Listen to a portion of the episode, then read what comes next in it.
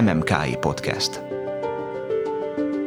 Az MMA Kutatóintézet Kultúrsok című műsora művészetről, újdonságokról, aktualitásokról.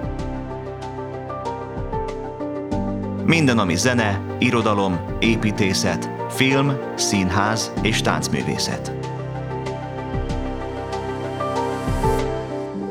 MMKI Podcast.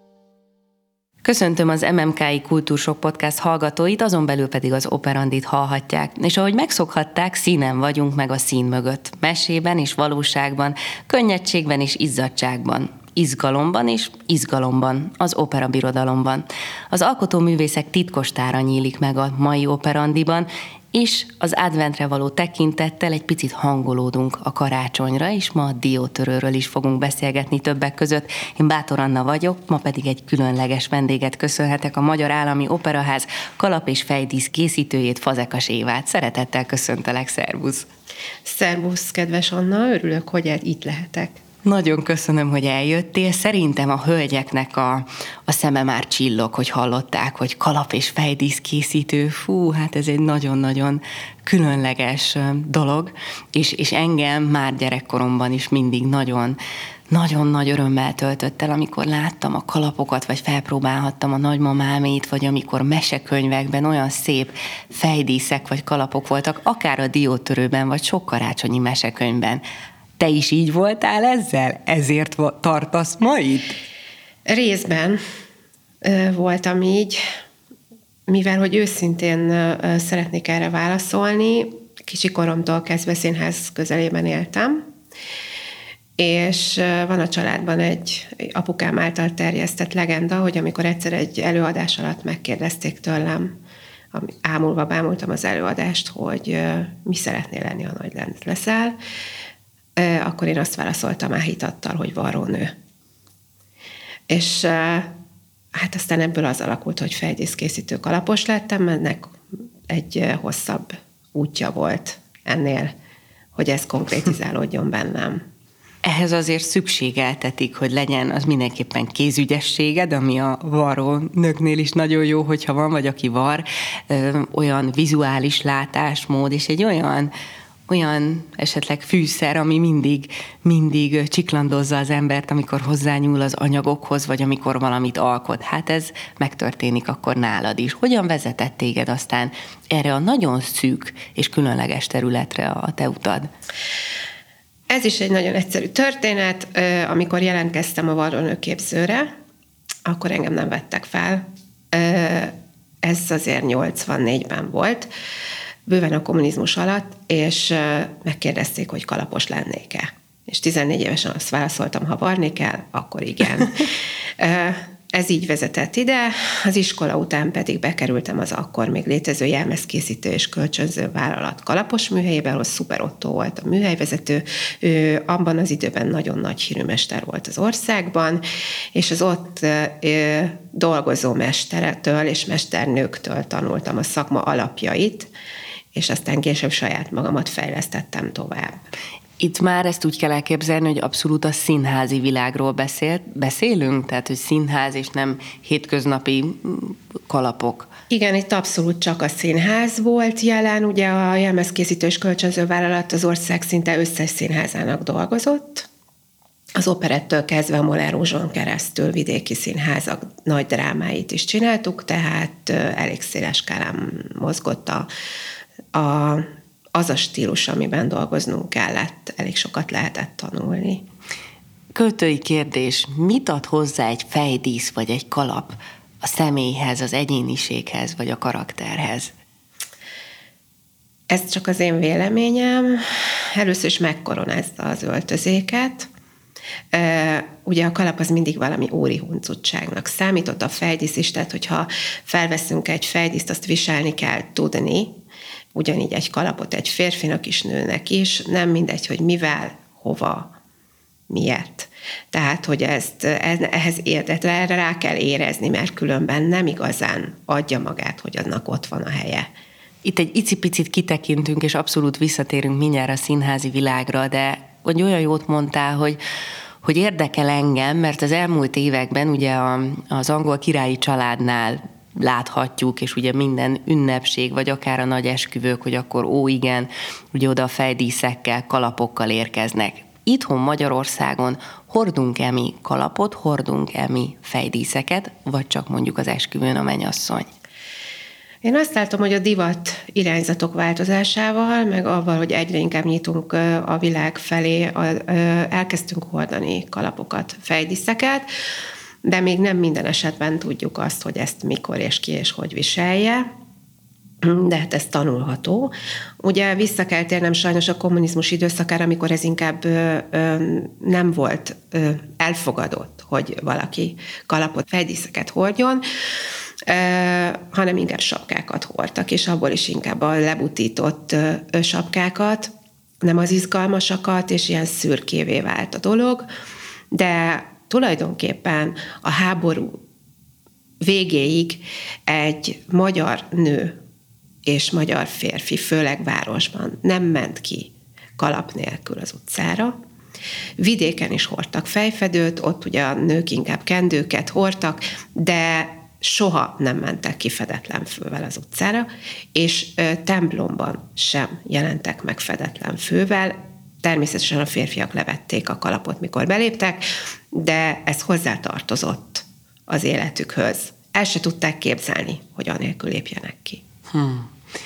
Volt-e neked olyan emléked, vagy esetleg a mai nap, vagy a, a mindennapokban van egy olyan kalap, vagy egy olyan fejdísz, amit szívesen hordasz, vagy volt-e olyan, amit egyszer, akár amit te alkottál, vagy kaptál, vagy nagymamától megörököltél, vagy te inkább készíted, és nem igazán hordod? Manapság nem hordok, ez téni koromban hordtam, saját magam által készített fejfedőket. Volt egy extrém féloldalas tokkalapom, ami egyébként akkor azért is volt extrém, mert nem nagyon hordtak a lányok tokkalapot. Ahogy belementem a korba, meg autóval járok, nem igazán hordok. Úgyhogy ez most már nincs az életemben. És őrzöd még ezt a kis tokkalapot? Nem, már eladtam. Ahhoz az időszakhoz tartozott, és... Igen, már eladtam, és azt hiszem, hogy színpadra ment. De Színpadra. már arra sem emlékszem pontosan. Nagyon különleges, nagyon különleges a, a kalapnak a viselete, meg ezeknek a feldíszeknek is, és milyen jó, hogyha valaki ilyen ügyes, hogy saját maga alkothatja ezeket. És akkor most csúszunk is vissza itt a színház világában, mert hogy mondtad, hogy lehet, hogy pont színpadra került, hogy ugye mindannyian előszeretettel várjuk, hogy elinduljon a diótörő szezon itt decemberre, sőt, már lehet, hogy ugye úgy vagyunk adásban, hogy már tart is a diótörő. Decemberben számtalan gyönyörű fejdísz található ott. Mikkel találkozhatunk, és kérlek mutass be egy kicsit, hogy mennyiben más egy ilyen fejdísz, amit mondjuk a palettosok használnak, vagy az operában használnak, és mennyiben más az, amit a hétköznapi viseletben hordunk. Hát először is a diótörőben elég széles skálán mozog a fejdíszeknek a jelenléte, mert ugye a jelenetektől függően elég sok minden, tehát sok jelenet van benne, ami érdekessé teszi, többféle népcsoportot is megjelenít.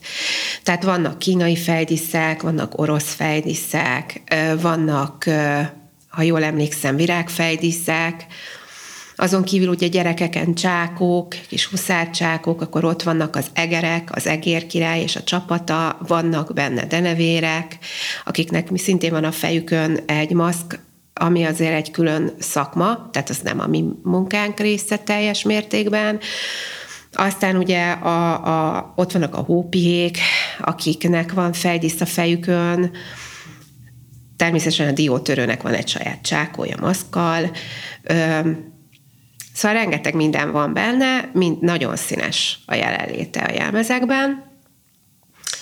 És hát, hogy a kérdésedről visszatérve, hogy mi a, a különlegessége, a balett az különleges fejdiszkészítésben is, nem csak a ruhákban, meg a cipőkben. Többek között oda kell rá figyelnünk, hogy a balettosok ezt tudják használni, méretekben is és súlyban is, fazonban is fontos, hogy a fejükön levő fejdiszek őket ne zavarják a táncban. Ez sokszor buktatókkal is jár, és azon kívül ugye fontos, hogy többször lepróbálják megmondják, hogy mi a gondjuk vele. tudjunk rajta változtatni. Tehát ez elég szoros kommunikáció a műhelyek és a tánckar között, mire színpadra kerül, hogy azt ők kényelmesen és biztonsággal tudják viselni. Ugye említetted az anyaghasználatot, annak a súlyát, itt a, a buktatókat is, és hogy milyen komoly kooperáció van jelen nálatok. Akkor nézzük meg egy példát akár, hogyha behozná, hogy az, az milyen anyagból van, hogyan készül, hogyan rögzítik a fejükre, hogy csak hullámcsattokkal oda tűzdelik a, a, a fodrászatban, vagy hogy... Ez pontosan így történik. Annyi különbséggel, hogy akkor van könnyebb dolguk a táncosoknak és a fodrászoknak is, ha parókát hord a művész, mert abban sokkal stabilabban meg tudják tűzni a fejdíszeket, mint saját hajban. Ez egy színházi háttérinformáció. Úgy mondják, hogy akkor van mihez tűzni. Hmm.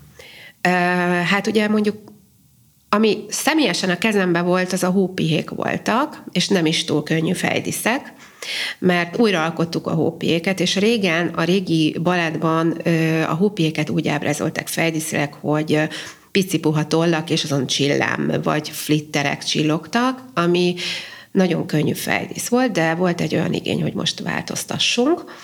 És a vége az döntés több prototípusból az lett a jelmeztervezőnk által, hogy egy ilyen kicsit jégcsap jellegű, diadém jellegű, kicsit nőiesebb dolgot kellett hordjon, hordjanak, ami viszont tele van égkövel és trasszal, aminek súlya van. Tehát kompromisszumot kellett nekik is kötni, az új fejdísz nehezebb lett, viszont sokkal látványosabb is a néző számára, ezzel is voltak harcok, méretben itt nem, tehát itt majdnem rásimul a fejükre, és ezért a, a, nem kellett nekik a, a mérettel foglalkozni, és súly egy kicsit zavart őket egy darabig, de úgy érzem már szeretik és megszokták, hiszen évek óta használják őket. Gyönyörűek. Miből készült tehát az, hogy ennyi gyönyörű, kikövezitek a fejdíszeket? Ezt ragasztóval rögzítitek? Milyen kövek, műanyag, ami nagyon csillog? Mit használtok? Kitérek egy kicsit, az operában a balett nagyon szereti a Swarovski-t. A Swarovski ugye üveg, annak súlya van, ebben az esetben nem használtunk Swarovski-t. Maga az alap egy icipici drótváz, acéldrótból készítettünk egy ilyen diadémformát, és saját kezüleg, és utána ezt bevontuk egy könnyű tüllel, és erre kerültek rá a strasszok, ö, nagy részt ö, ragasztva vannak, de van rajta varrot is, nem mindegyik fogadja el a ragasztót, ö, és gyöngyös bortnik vannak még rajta, aminek van egy olyan fénye, mint a, a hónak. Tehát ez egy ilyen olyan csillogása van, mint a télen rávilágítunk a hóra, és akkor Bortnik? Ez Bortninak hívják, Bortni. ezek ilyen gyöngyel, tehát textilre hímzett gyöngy, gyöngy díszítmények, amikből mi kivágtunk motivumokat, és ez ragasztással került föl a fejdíszre.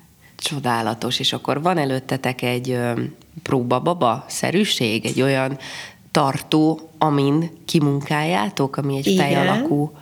Ez egy úgy nevezett paróka fejen dolgozunk, tehát a parókások is ugyanezt használják, méretre van, minden méretből létezik, és azon dolgozunk. Azon tartjuk, hogy kb. akkor látjuk az arc arányokat, és ahhoz tudunk dolgozni. De ez egy kicsit csalóka, mert ugye ezek adott gyártmányok, és minden embernek más a fejformája, úgyhogy azért ott mindig utóigazítás szükséges, de alapvetően erre dolgozunk. Utólag hogy tudjátok? Tudjátok hajlítani? Mert mondtad az ap, a, a drót alapvázat. Uh-huh. Ezt hajlítani, vagy varrással szoktátok módosítani egyénileg a fejekhez? Utólag még lehet hajlítani, mert azt nem mondtam el az előbb, hogy van ennek egy filc alapja, uh-huh. és erre kerül rá a drótváz, tehát az a fejjel a filc érintkezik, és nem a drót ebben az esetben. Ezért ezt utólag tudjuk hajlítani, gőz, gőzzel átalakítani picit, és a, nem nagyon, de picit tudunk rajta változtatni. Mekkora lett ennek végül is a súlya? Gondolom nem mértétek le a mérlegen, de hogy könnyedre sikerült? Nem, ez nehéz. Ez, ez nehéz. nehéz. Ez nehéz. Nehéz, és akkor ilyenkor a balettosok ö, már a főpróba előtt rögzítik ezeket, hogy szokják, vagy elég nekik, hogy a főpróbán hmm. rajtuk van? Van egy első öltözés, ami minden színházban létezik, amikor először veszik fel a jelmezeket komplette a díszletben. Általában ez főleg egy jelmezpróba, és ott kiderülnek a hibák. Rögtön az elején, és akkor ott elmondják, hogy mi a gondjuk, és azon megpróbálunk változtatni, és aztán a próba folyamat alatt azért két-háromszor még biztos, hogy felveszik, ez a minimum, amikor ebben tudnak táncolni, és akkor eldől, tehát akkor eldől nekik, hogy hogy kell használják. Itt már is a, a csákot nem tudom elfelejteni. Gyerekkorunkban is előszeretettel készítettük az osztályban is, és otthon nagypapám ő még újságpapírból. A színpadon most nincs előttem újságpapír, imitáció van, vagy sima papír. Hogyan néz ki ez a csákó, ami a gyerekeken rajta van? Ö, egyébként ebben a darabban feketék a csákok, pici tolldíszítéssel, pici aranydíszítéssel, nagyon egyszerűek.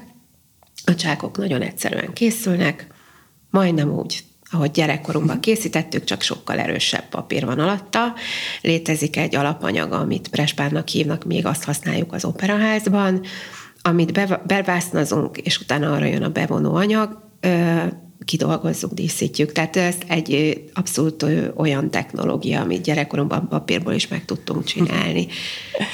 Ugye a kínaiaknál, a kínai táncnál, az orosz táncnál, a spanyol táncnál, ugye ott végén felvonulnak, amikor már diótörő birodalmába érkezik a két főszereplő, őket itt felsoroltad. Ez azt jelenti, hogy nektek egy komoly előtanulmány is van egy ilyen fejdísznél, hogy akkor hogyan hozzátok be az adott kulturális jellegzetességet? Ebben az esetben nincs, nem volt előtanulmány, azért nem volt előtanulmány, mert voltak tervrajzok, Rományi Nóra tervezte a darabot, és az ő tervrajzi alapján pontosan azt alkottuk meg, amit ő szeretett volna, tehát ő neki volt előtanulmánya, de szokott előfordulni bizony, ha komolyabb feldíszt kell csinálnunk, hogy igen, mi is kutatómunkát folytatunk az internet segítségével, könyvek segítségével, hogy minél pontosabban tudjunk másolni. Itt a diótörőben jellegében kellett olyannak lennie, de nem kellett megszólalásig pontosan, hiszen ez inkább egy mese olyannak lennie, mint az igazinak. Mi, szeretette ezt, az, ezt a kutakodást, ezt az előtanulmányt, az, hogy, hogy összeszedni olyan motivumokat, ez nekem nagyon izgalmas hangzik. Nagyon izgalmas, és amikor én ezt a szakmát tanultam, meg elkezdtem benne dolgozni, sokkal kevesebb lehetőségem volt kutatni.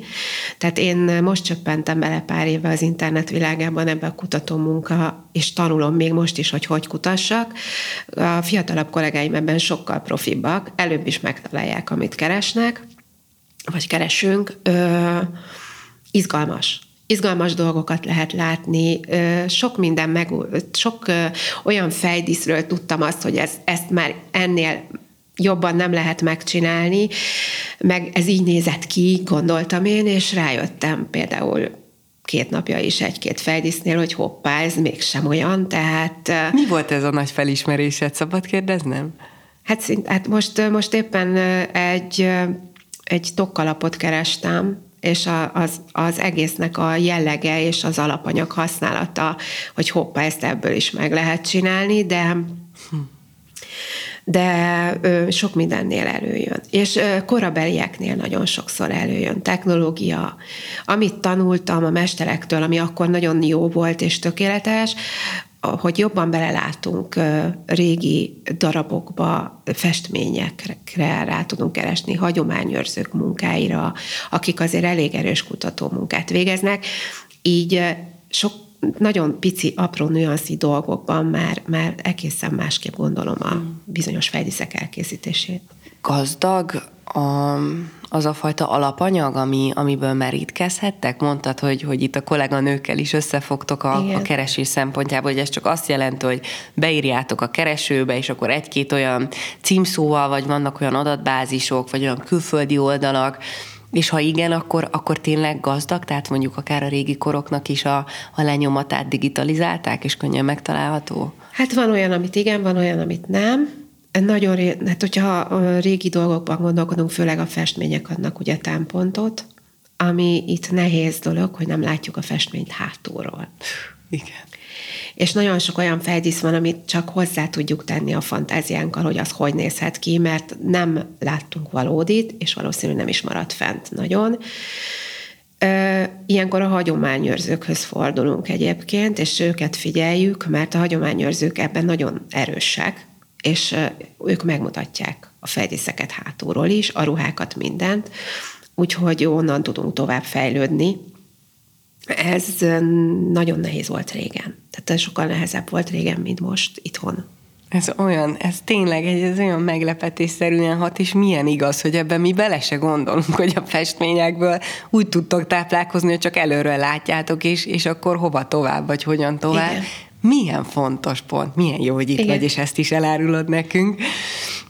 Amikor van amúgy nagyon gazdag a, a tárhely, van speciális módszeretek már, hogy hogyan kerestek rá, vagy annyi minden, olyan sok kép megosztó oldal van, hát most a már kép ez megoszt... több, Bocsánat, a kép megosztó oldalak, azok nagyon-nagyon nagy segítségünkre vannak, de ott el lehet veszni. Hm. Úgyhogy sok, sok esetben jobban járunk, hogyha olyan oldalakat keresünk meg, amik kimondottan csak és kimondottan bizonyos korokkal foglalkoznak.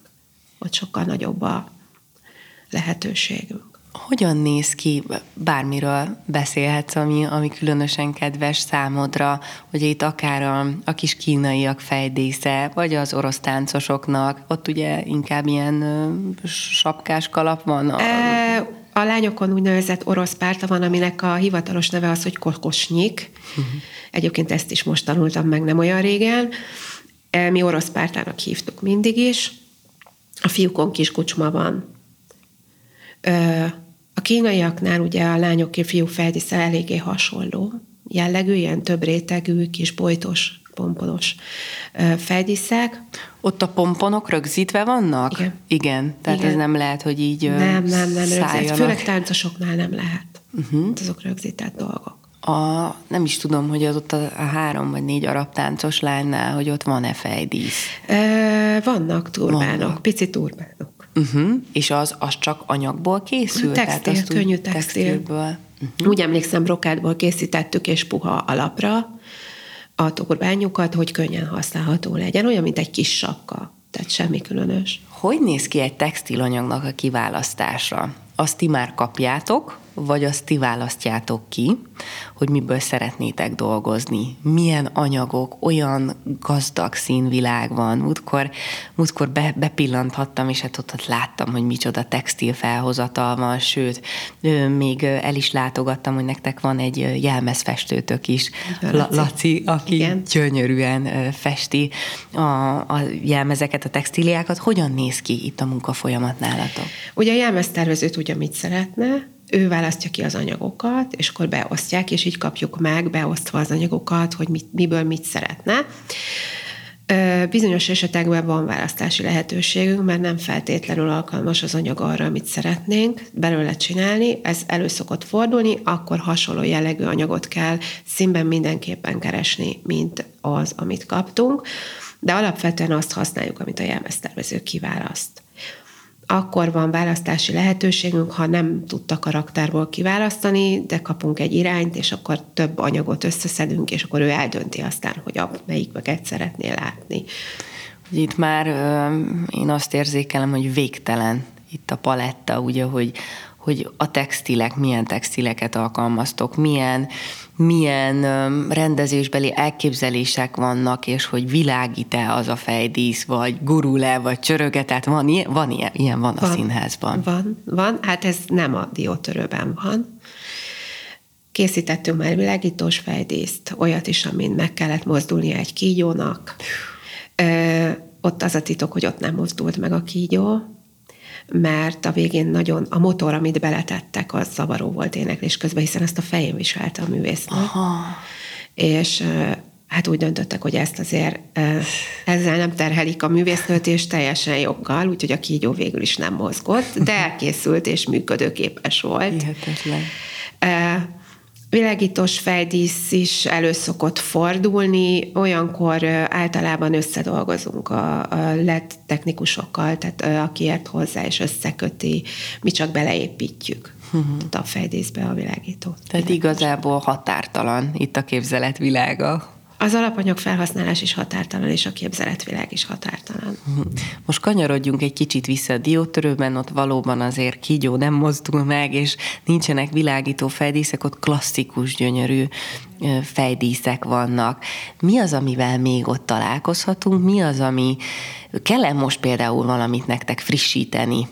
Vagy, vagy ez egyszer elkészül, és utána nem kell hozzányúlni? E, mindig kell frissíteni, most is volt már, viszont átkerült az operában, mert folynak a felújító próbák, lassan elkezdődik az diótörő időszaka. Uh-huh. Um, volt felújításunk, volt nálunk huszárcsákó, volt nálunk az összes uh, hópihe nálunk volt most,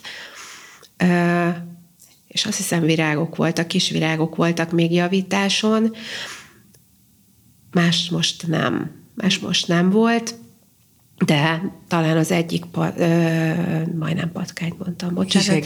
De nem is az egérre gondoltam, ha? hanem a denevér. De két denevér volt, vagy három volt nálunk, hogy más fejére került, és kicsi volt, és tágítani kellett. Denevér az kinek a, a fejére kerül? Az mikor a denevérek? Van egy barlang el? jelenet, uh-huh. és ott vannak a denevérek. Egyébként a, ezeket a maszk jellegű dolgokat maszkos készíti. Nekünk a feladatunk az, hogy fejre lehessen aztán tenni és ez ilyen belebújhatós? Ez, igen, van rajta egy szörme hátul, benne fej, amit mi építettünk bele, és akkor fel tudják rögzíteni a fejükre, hogy nem mozduljon, és ki is láthassanak belőle. Az egerek is pontosan így, így készültek, hogy szobrászművész készítette el. Ott több munkánk volt, mert az egereknek van fejdíszük, ők ugye itt azt hiszem kalózok lettek, és az összes kalóz fejdíszt mit csináltuk rájuk, és ugyanúgy megcsináltuk, hogy tehát elkészítettük azt a részét, hogy ők fejen tudják viselni biztonsággal, és kilássanak belőle, és amikor ez elkészült, akkor átkerült Földvári Lacikhoz, aki megfestette a karakterüket, úgyhogy ez egy csapatmunka volt teljes mértékben. Igazi csapatmunka itt a kalózfejdíszeknél, mi, kendőket, mit, mit, mit, mit kell elképzelni? Kendők is vannak, meg ilyen háromszögletű kalapok, egy kicsit olyan a hatása, ha közelről megnézzük, mint a hú, melyik volt az a film, a a Karib-tenger Kar- A Karib-tenger karózai volt. A, kicsit olyan, olyan a jellege egyébként, ezek a kis rasztatincsek, meg minden ott van. Úgyhogy, ha közelről megnézik, azért elég sok részlet van benne. Ugye itt mondtad, hogy már nagyon sokan dolgoztok rajtad, engem mindig érdekelt, miközben kívülről néztem, hogy a táncosok, hogy fú, mennyire füllednek bele, kapnak elevegőt, hogy kilátnak, az egyértelmű, az kell, kell a táncosoknál, de hogy ez most már teljesen komfortos, úgy van kidolgozva? Őszintén remélem, de szerintem, hogyha egy ilyen teljes burkot vesz föl valaki, az biztos, hogy nem lesz mindig teljesen komfortos, meg kell tanulni vele dolgozzanak. Mi az, ami még előkerül a diótörő balett során, sőt, egy kicsit tovább megyek, hiszen van diótörő fesztivál is szokott lenni, amikor eh, egy ilyen búrába kikerülnek a diótörő bábok, akár az Erkel Színház előtt volt tavaly az András úton, tehát hogy mikor, hol, és abban is nektek volt munkátok. Egyetlen egy munkánk volt benne, mert ugye a szobrász munka volt, és a festőműterem készítette ezeket a csodálatos szobrokat. A Marikának a fejdísze az fejdísz, tehát az került rá, az a fejdísz van rajta, ami a színpadon is, pont ugyanazt el kellett készíteni erre a szoborra is. Ez milyen fejdísz? Ez egy pici diadém, drótvázas diadém, egy, kicsit ilyen barackos arany hatása van, ha jól emlékszem a színvilágának, nem túl csillogós, de egy ilyen kis lefinom. Tehát egy nagyon finom kis diadém. Melyik az a munkafolyamat, ami, ami, ami a legtöbb tudom, hogy nem lehet választani, hogy ami a legtöbb örömmel tölt el, de ami mondjuk a legizgalmasabb, vagy talán a, van olyan is, ami mondjuk a legfárasztóbb, gondolom, amikor kikövezitek. Van ilyen? A legizgalmasabb az eleje. Mert uh, legtöbbször ránk van bízva, hogy ki kell találnunk a technikát, az, hogy hogy fog ez összeállni, a diótörőben megint adottak voltak a formák, de nagyon sokszor ránk van bízva kitalálni, hogy ha olyan fejdísz kell, ami teljes mértékben elszállt, tehát hogy nem egy sima kalap vagy diadém, hanem egy hatalmas drótvázas valami, akkor ennek a technikai kitaláció, tehát hogy kitaláljuk a díszítést, kitaláljuk, abban szabad kezet szoktunk kapni legtöbbször, tehát a díszítési folyamatok azok mindig izgalmasak sokszor van az, hogy félretesszük, mert ez most nem úgy megy, meg nem tetszik, meg nem olyan lett, akkor ha van időnk természetesen nincs, akkor ki kell magunkból taposni, tehát számomra a legizgalmasabb az az időszak, amikor elkezdem kitalálni, én személy szerint magamról tudok beszélni, hogy ezt hogy fogom összeállítani, összerakni. Mert amikor már nálam megvan, hogy hogy fogom összerakni, akkor nálam így gépiesen indul be a munkafolyamat, és onnantól kezdve már máson gondolkozom, lehet, hogy a következőn. Úgyhogy én így dolgozom, ez az én saját módszerem. És a díszítés része az mindig izgalmas. Hm. És amikor meg egy tánckarnyi fejdíszt kell díszíteni egyformára, az egy idő után persze unalmassá válhat, úgyhogy általában azt többet szoktuk csinálni, hogy ne legyen az, hogy mondjuk egy 16 fejdíszt mind ugyanazt csinálja meg, mert mi ezt a munkarészét nem szeretjük, ezt a szalagot, tehát azt beszoktuk osztani egymáshoz. Képesztő. Hogyan történik ilyenkor akár a díszítés, hogy csendben, oké, hogy beosztjátok, vagy zene is van a háttérben, mert ez egyfelől monoton, ugyanakkor meg hihetetlen, hogy micsoda elmélyülésre van lehetőség az alkotóművésznek. Hát ha egyszer bejössz a kalapos művebe, és úgy találsz minket, hát jönnek ki dolgok a szánkon, de nem rossz értelemben, hanem elég érdekes humorunk van mindannyiuknak.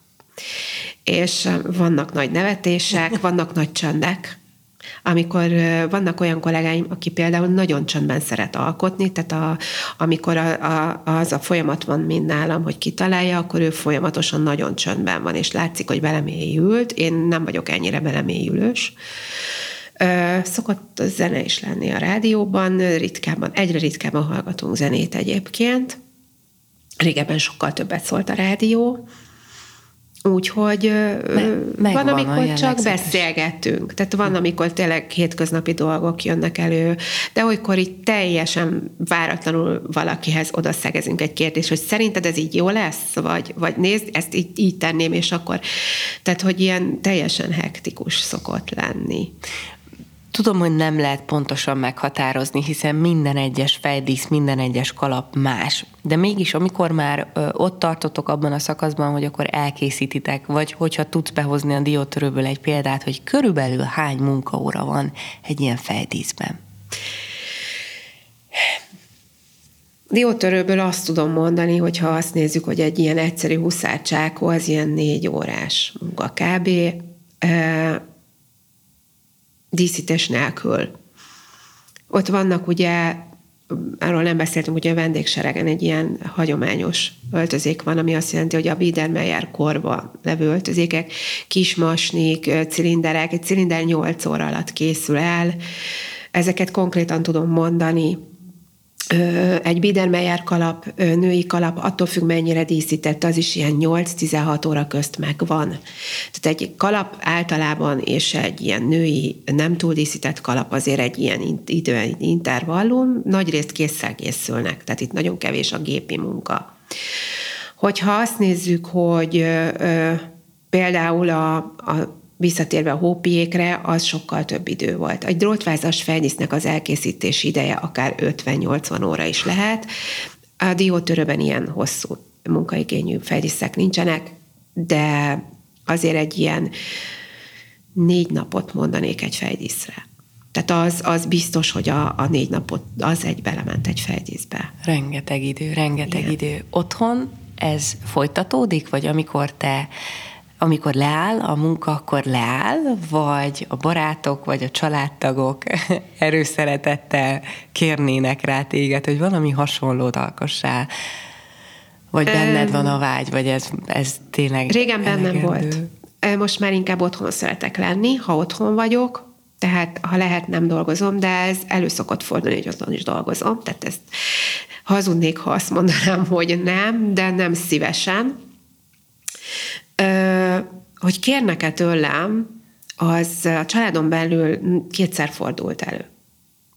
Az egyik unokahogomnak a mennyasszonyi fejdíszét csináltam meg évekkel, évekkel, évekkel ezelőtt, és ő az volt egy sorozat, ami brazil volt, azt hiszem Esmeralda és az ő koronáját szerette volna, úgyhogy azt így megpróbáltam megalkotni, ő szerinte sikerült, úgyhogy boldog volt vele, és legutóbb az unokagom kislánya, egy másik unokagom kislánya keresett meg anyukája háta mögött, hogy ő neki a Halloweeni bulira kellene egy nem fejdísz, hanem egy öv és egy sapka, úgyhogy azt is megcsináltam. Ő Bonnie és Clyde-ból a Bonnie volt, úgyhogy igazán a családomból ennyi. Édesapám nagy hordó, szokott terrorizálni engem kalapokkal, de mindig olyanokat talál ki, ami nem megvalósítható.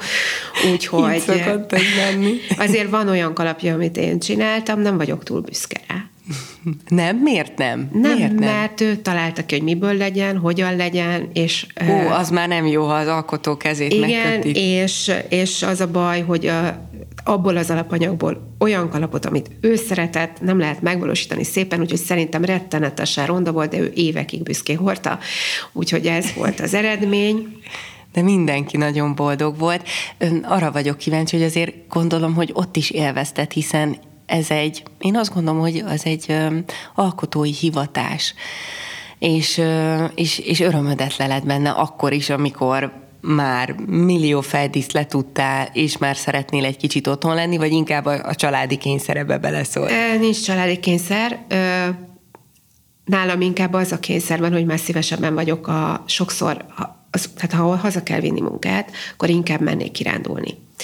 De bent a munkahelyen nagyon szeretem, amit csinálok, tehát a munkámban nagyon jól érzem magam, csak külön kellett tudni választanom az életemet, és ez hosszú évekbe telt azt kell mondjam, hogy az utóbbi négy évben érzem azt, hogy én inkább megpróbálok élni, mint dolgozni, és otthon el tudom engedni a gondolataimból a munkát. És így tudsz inspirálódni és töltekezni, és aztán igen, belefektetni. Igen, igen, ez igen, így igen. van, ez így van, de jó hallani ezt. Amikor Persze, a diótörőről, hogyha beszélünk, 2015-ben volt ugye a felújítása, de, de hát mindenki számára ismert volt a, ez a fajta rendezés, ez a díszlet, ez a balett. Hogyan történik, hogy oké, hogy van egy nagy összeülés, van nagyon sok egyeztetés, ott van a rendező, a díszlettervező, a jelmeztervező, de van olyan, amikor titeket beültetnek, hogy nézzétek meg a darabot? Beültetni nem, de az öltözéseken mindig jelen kell lenni legalább egy-két embernek. Az a műhelyünkben úgy működik, hogy ha nagyon sok fejdísz készül, akkor minél többen oda tudunk menni, akkor oda megyünk. Ha nem, akkor a főnöknek jelent kell lennie, és esetleg még megy vele valaki. Mi azt a módszert alkalmazzuk egyébként minden egyes darabnál, hogy aki készítette, az megy. Mert ő tudja, hogy mit csinált, hogy csinálta, és ha változtatni kell, hol tud változtatni ezért nálunk ez így működik. A diótörőnél is ott ültünk, és hát egy vagy két próbát biztos végigültük, és vártuk azt, hogy akkor mit kell változtatni, és hogyan. Tudod esetleg a munkafolyamat után úgy nézni az adott előadást, hogy hogy tudjál belőle töltekezni is, és, és úgy üljél be, hogy na ez egy színházi, ez egy balett előadás. Ez nálam úgy működik, ha valamit nagyon szerettem csinálni, azt imádom nézni, és büszke vagyok, hogy ott van. Ha nem szerettem csinálni, akkor nem nézem meg. úgyhogy, úgyhogy amikor én ott ülök és nézem, akkor büszke vagyok, és, és örülök, hogy látom színpadon. Viszont az évek folyamán én már nem nézem így az előadást. Nagyon sokáig úgy néztem az előadást, bármilyen előadást, hogy, hogy úristen, ott az hogy néz ki, az miért úgy van megcsinálva, úristen, azt én elrontottam. Ez elmúlt szerencsére, úgyhogy most már az előadásra koncentrálok, és így szívesebben is nézem, tehát olyankor már így az összképet nézem, és nem a, az egyéni fel is tudsz idézni egy olyan pillanatot, egy olyan jelenetet, amit mondjuk ma, most így beugrik neked, hogy, hogy, hogy úgy megmelengeti a szívedet a diótörőből. Például. Hát nálam, mivel hogy én csináltam az összes hópiét, amikor bejöttek, és láttam, hogy ez működik, és gyönyörű, és szép látvány, és a csillagása is úgy van meg, ahogy szerettük volna, én akkor azt nagyon-nagyon szívesen néztem. És hát az elején a forgatag volt az, ami ugye ott a fa alatt a, a nagyon sokan voltak kezem munkájából a Biedermeyerekben, ami gyerekkoromtól kezdve a kedvenc korom egyébként valamiért, bár az már egy kicsit változott, de, de ott is azért örültem, hogy olyan szépen egybe van az egész, és minden úgy klappol. Mert azért akkor klappol, ha nem dobja le a ruha a fejdíszt, tehát hogy így egyben látványban gyönyörű. Egy festmény, tehát hogy na számomra festmény, amikor így szépen egybe van. Abszolút, abszolút. Ez egy gyönyörű festmény, tehát Igen. mindenkinek ajánljuk, hogy ha teheti, akkor nézze meg a diótörő balettet, és most már ennyi titkot tudunk, tehát teljesen más szemmel tudjuk nézni.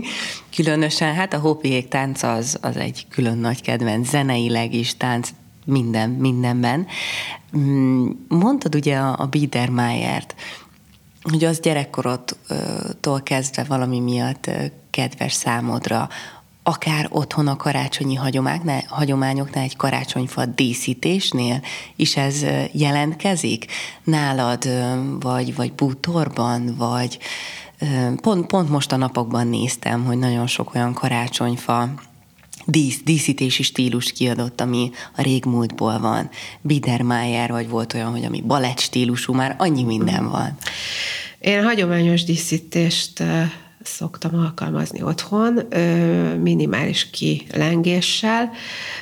Szeretem az üvegdíszeket, a szépen festett üvegdíszeket, tehát nekem az van. Nincs műanyag díszem, vagy én magam által horgolt gömbök vannak, és gömbmániás vagyok, ami azért a Biedermeierben inkább a virág van jelen. Viszont az asztali díszítésben, vagy egyéb másban nagyon szeretem ezt a fajta virágot, viszont nem szeretem, ha túl sok. Uh-huh. Tehát én szeretem, ha csak megjelenik, és nincs töményen ott. Az már engem zavar.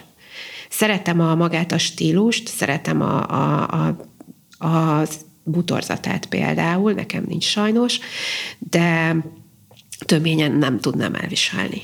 Tehát, hogy egy-egy darabot szeretek látni. Van-e olyan ez, hogy a saját magad által készített horgolt díszek a fán, mi az, ami még, hogyha engedett, hogy egy picit betekintsünk, ami még nálad jelen van karácsonykor? Mondtad az imént, hogy szeretsz kirándulni, gyűjtesz saját dobozokat, vagy, vagy, vagy mi az a hagyomány? Van-e valami olyan, amit akár még a szüleitől átvettél, vagy ami, ami még ilyen sajátos, vagy ami, ami olyan elsőre beugrik, hogy na, ezt nagyon szeretem, és meg szeretném tartani. Érdekes, amit kérdezel nekem, a szüleim mind a ketten paraszti származásúak, tehát náluk ez a hagyomány nem volt meg jelen. Mikor városra költöztek, anyukám megpróbálta ezt a világot, de nem tőlük van a, a, az a fajta, én nagyon szeretem a paraszti világot, de ha, tehát egy kicsit azért keverem ezt az egészet magamban, díszítésben ez abszolút csak a saját, minden saját, a terítés minden a saját ízlésem szerint van, és nem vettem át az anyukámtól semmit sem. Talán azért nem, mert, mert kicsit lázadó típus voltam vele szemben, úgyhogy mindent tagadtam, ami, ami az övé volt Nálunk inkább ilyen apró dolgok vannak, amik megmaradtak a régi családból, ami viszont paraszti dolog, amiben szerelmes vagyok. De az éppen nálam nincs, tehát és nem tudom, most ez kicsit zavarba is jöttem ettől a kérdéstől, hogy, hogy annyira csak saját magam vagyok otthon, a hektikusságommal és az összes ezt úgy tudnám megmagyarázni, hogy ide-oda a dolgokban, tehát én nagy, az apukám családjától némileg megtanultam csipkét verni. De nem szeretem csinálni, nem is fejlesztettem tovább, de a csipkeverő állvány a kis verőkékkel ott van a szekrény tetején egy darab csipkével. Vagy hímzek képeket, az mindig ott van előttem, tehát félkészkép mindig van nálam otthon egy állványon, ami teljesen modern dolog, tehát ezek semmi köze a hagyományainkhoz. Teljes mértékben az alkotó kezed és a kreativitásod az akkor mindenhol, az belengi a lakást, ahogy Hát azért látom. sajnos nem, de szeretném, ha belengeni, vagy például imádom a cserépedényeket használni is és két dologba vagyok szerelmes, a cserébe és az üvegbe. Tehát nálam nem nagyon lehet műanyag edényeket találni, csak az olyan használati tárgyakat, amit hozok, viszek, tehát amint a törne, de egyébként, amiben otthon például a konyhában dolgozom, általában üveg vagy kerámia. Köszönöm, hogy, hogy erre is válaszoltál. Mindenkitől kérünk egy ajánlást, akár zenei ajánlást, mi az egy olyan hagyomány, ami a saját családjukban jelen van, amit átvettek, amire figyelnének, egy olyan zeneművet, egy olyan áriát, egy olyan dalt, egy olyan balettet, egy olyan receptet, amit készítenek. Ezért kérdeztem, hogy talán akkor neked is a jó tanácsot, ha mondasz ebből bármit, akkor köszönöm, de már bennem nagyon erősen megragadta az üvegdísz. Nekem egy ilyen ö, nagy üvegdíszem van, ugye egy gyönyörű fújt üveg és kézzel van festve, és pont tegnap előtt hoztuk le a padlásról, be van dobozolva, és kiesett a kezemből, de pont elkaptam, és nagyot nevettünk, hogy hát nem fog ki a, ezen az ügen, tényleg olyan becsben van tartva, be is van bugyolálva. Milyen csodálatos, hogyha ilyenek kerülhetnek ki a lakásba vagy a fájra. Mi az, amit esetleg mondanál? Ezt vagy mást? Merjünk bátran üvegdíszeket Igen. használni? Én azt gondolom, hogy mindenki azt merjen használni, mi örömet okoz neki. Tehát azért érdekes ez a kérdés, mert ez egy eléggé komplex kérdés volt, mert ha én nekem zenei műfajt kellene ajánlanom, amit szeretek, hát elég széles a skála. Uh-huh. Operán belül például én igazán a Wagnert szeretem, a többit annyira nem. Mm. Ami tudom, hogy egy kicsit szélsőséges is ízlésvilágba, de ugyanúgy szeretem a jazz-t. És a népzenét azt imádom. És minden más zenét is szeretek, amit jónak tartok, tehát nálam ez elég széles skálán mozog. Én azt gondolom, hogy a hangulatomhoz mért, hogy éppen mit szeretek hallgatni, és mit ajánlanék éppen.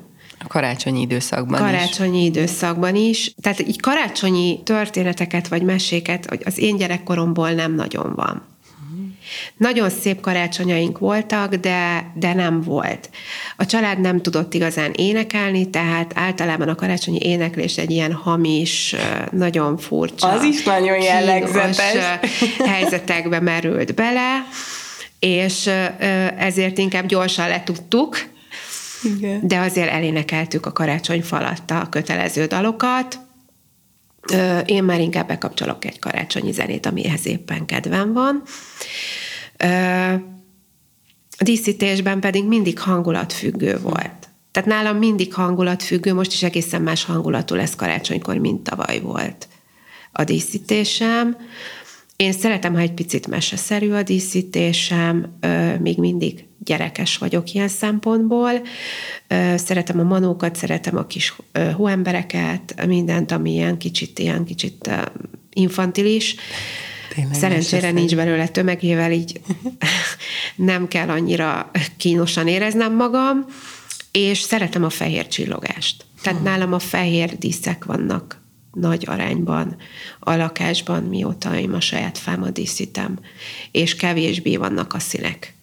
És a fények is fehérek. De nem a, ez, a, ez a hideg fény, hanem nem az a meleg. meleg. Igen, a hideg fényt azt nem bírom.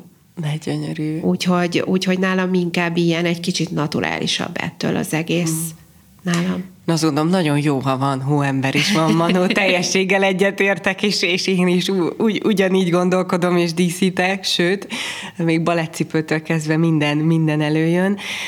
Én nagyon köszönöm, hogy kinyitottad egyrészt a, a karácsonyi ajtódat is, másrészt pedig hihetetlenül nagy élmény volt hallgatni, hallgatni azt, hogy hogyan, hogyan készülnek ezek a fejdíszek, és hogy milyen mély mögöttes tartalma van. Tehát ezt külön köszönöm neked, hogy ma ezt idehoztad és elhoztad nekünk, és, és öröm lesz ilyen szemmel is nézni idén a balettet és azokat az alkotásokat az operában, amiről beszéltél. Nagyon köszönöm, Éva, hogy ezt idehoztad ma. Köszönöm. Én, én is köszönöm, hogy itt lehettem. Köszönöm szépen. Hogyha tehetik, akkor hallgassák legközelebb is az operandit, mert bizony készülünk továbbra is, hangolódunk a karácsonyra és az adventre.